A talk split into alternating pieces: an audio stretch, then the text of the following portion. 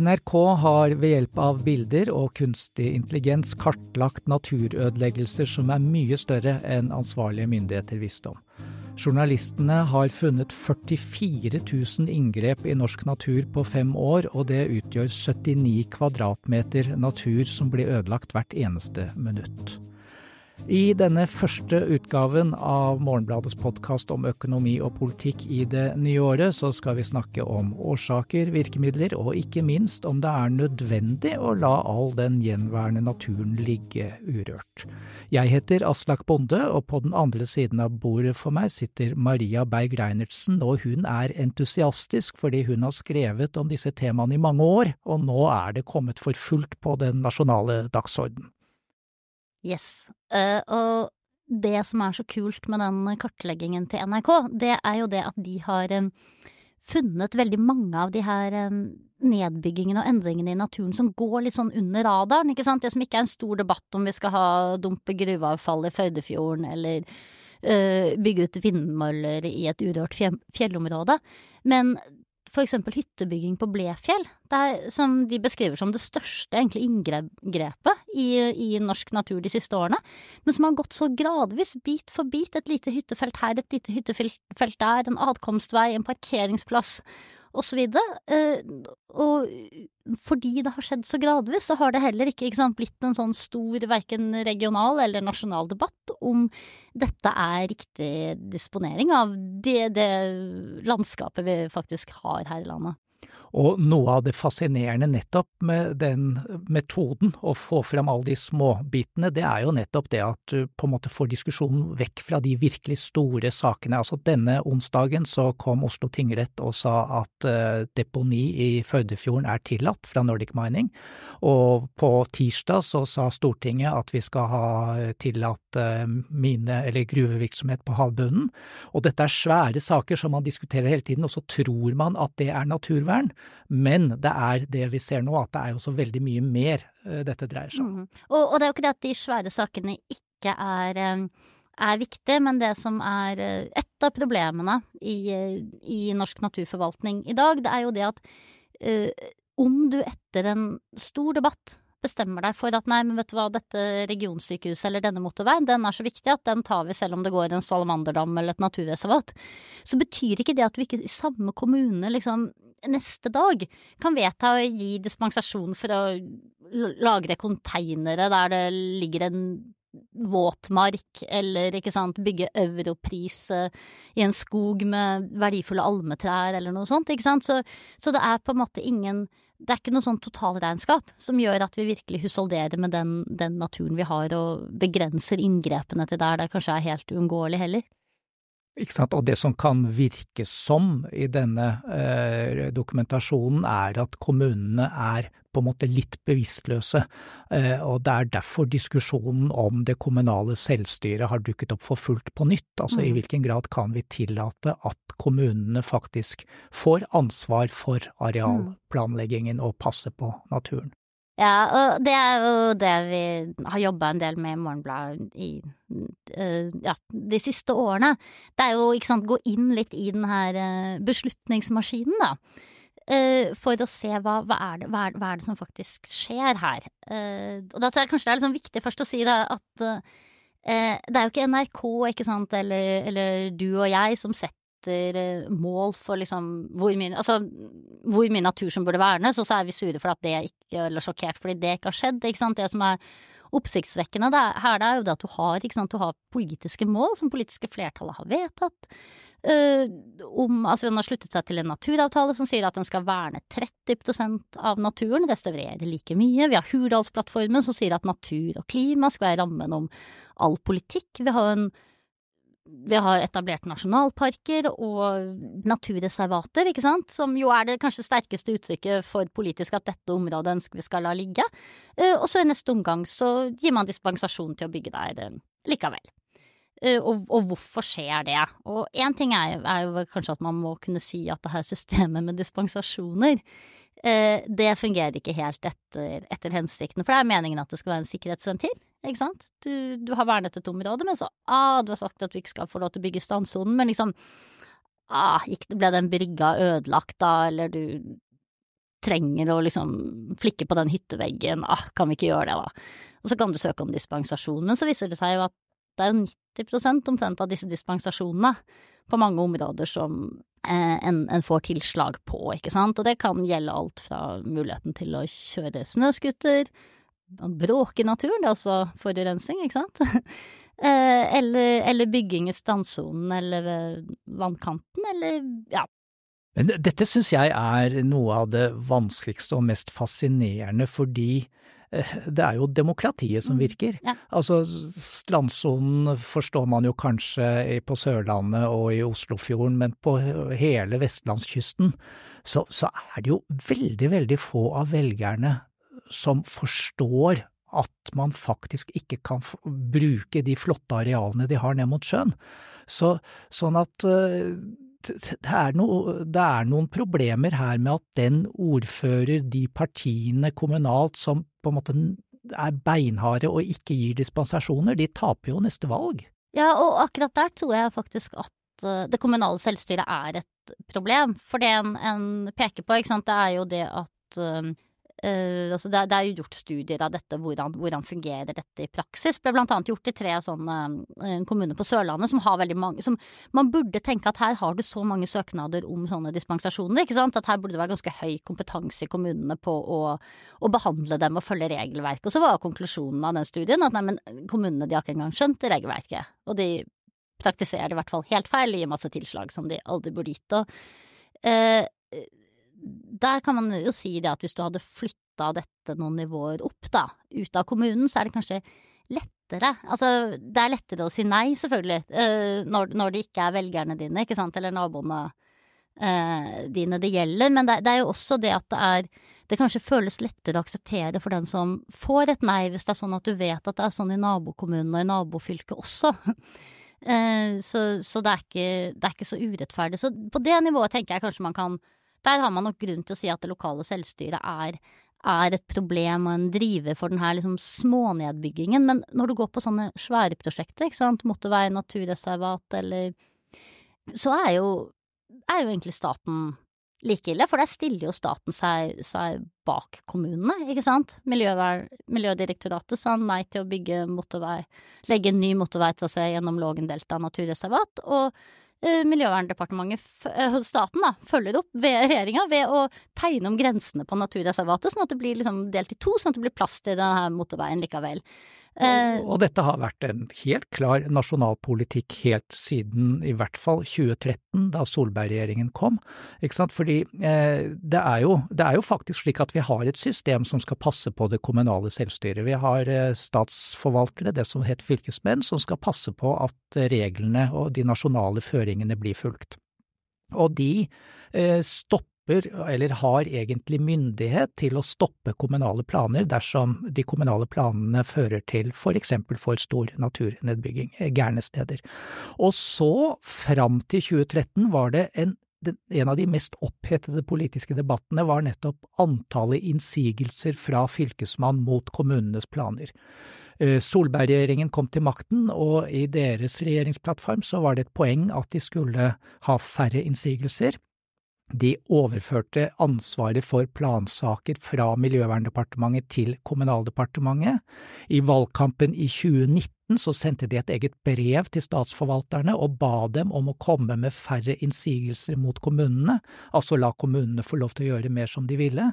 Og alt dette var jo et resultat av at regjeringen hegnet om eh, det kommunale selvstyret er jo fint å si, men egentlig svarte på folks ønske om å få lov til å gjøre som de alltid hadde gjort, bruke den naturen som de hadde tilgjengelig.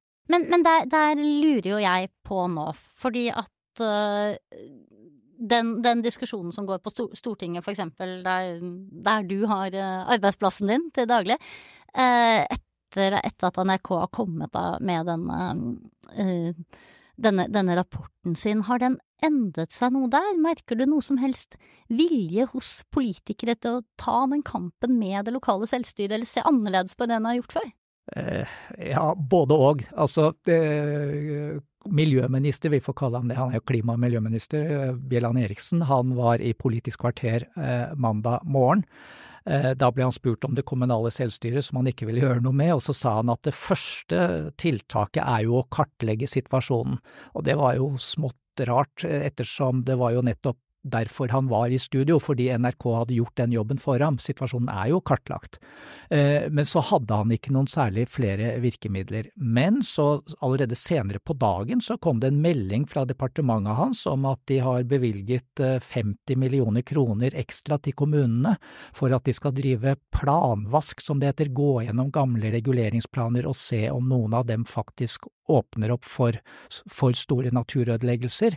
Det var et resultat, resultat av budsjettforliket i høst, men det var jo litt pussig at det kom denne mandagen rett etter at NRK hadde kommet med sin dokumentasjon. Så det skjer jo noe, men igjen så er det det at Eh, at uh, gruvedrift på havbunnen, altså der vet man veldig lite om hvordan den økologiske tilstanden er på havbunnen, men man bare åpner opp, det er rammet inn på et vis, altså selskapene skal ikke få lov, de skal undersøke nå selv på en måte hva som er klima, eh, naturmessig riktig, men likevel, det, det er ikke mye som bærer preg av at de virkelig nå snur på flisa og tenker annerledes om naturvern.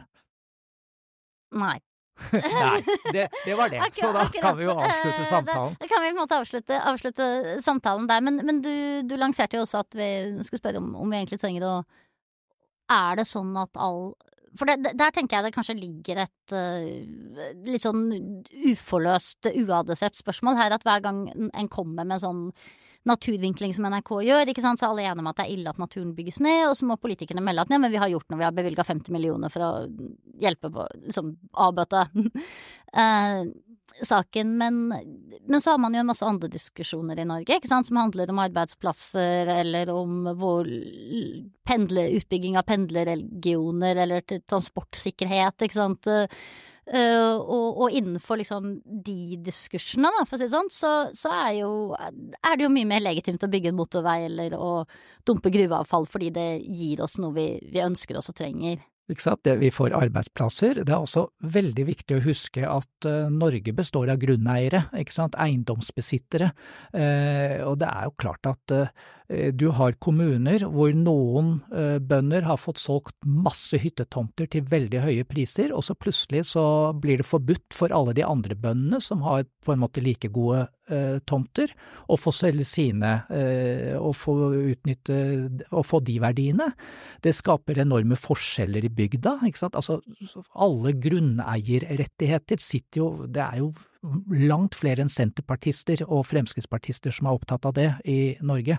Så, så dette er forståelig. Men, men, vi må komme til det. Jeg tror du egentlig prøvde å snakke oss inn på denne holmen ja. ute på Helgelandskysten. Ja, for du har forelska deg i en utsprengt holme, du. Ja, ikke sant.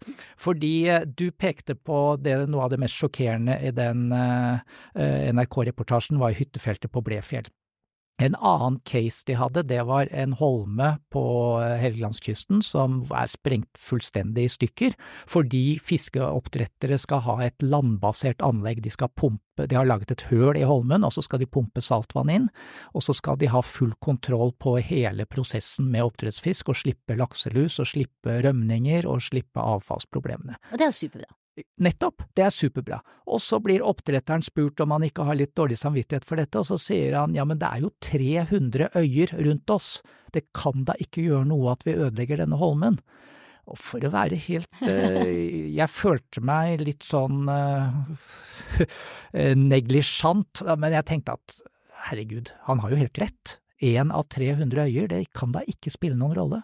Men, og jeg tenker at det er akkurat det argumentet det er så interessant, fordi at eh, det er sånn det skjer.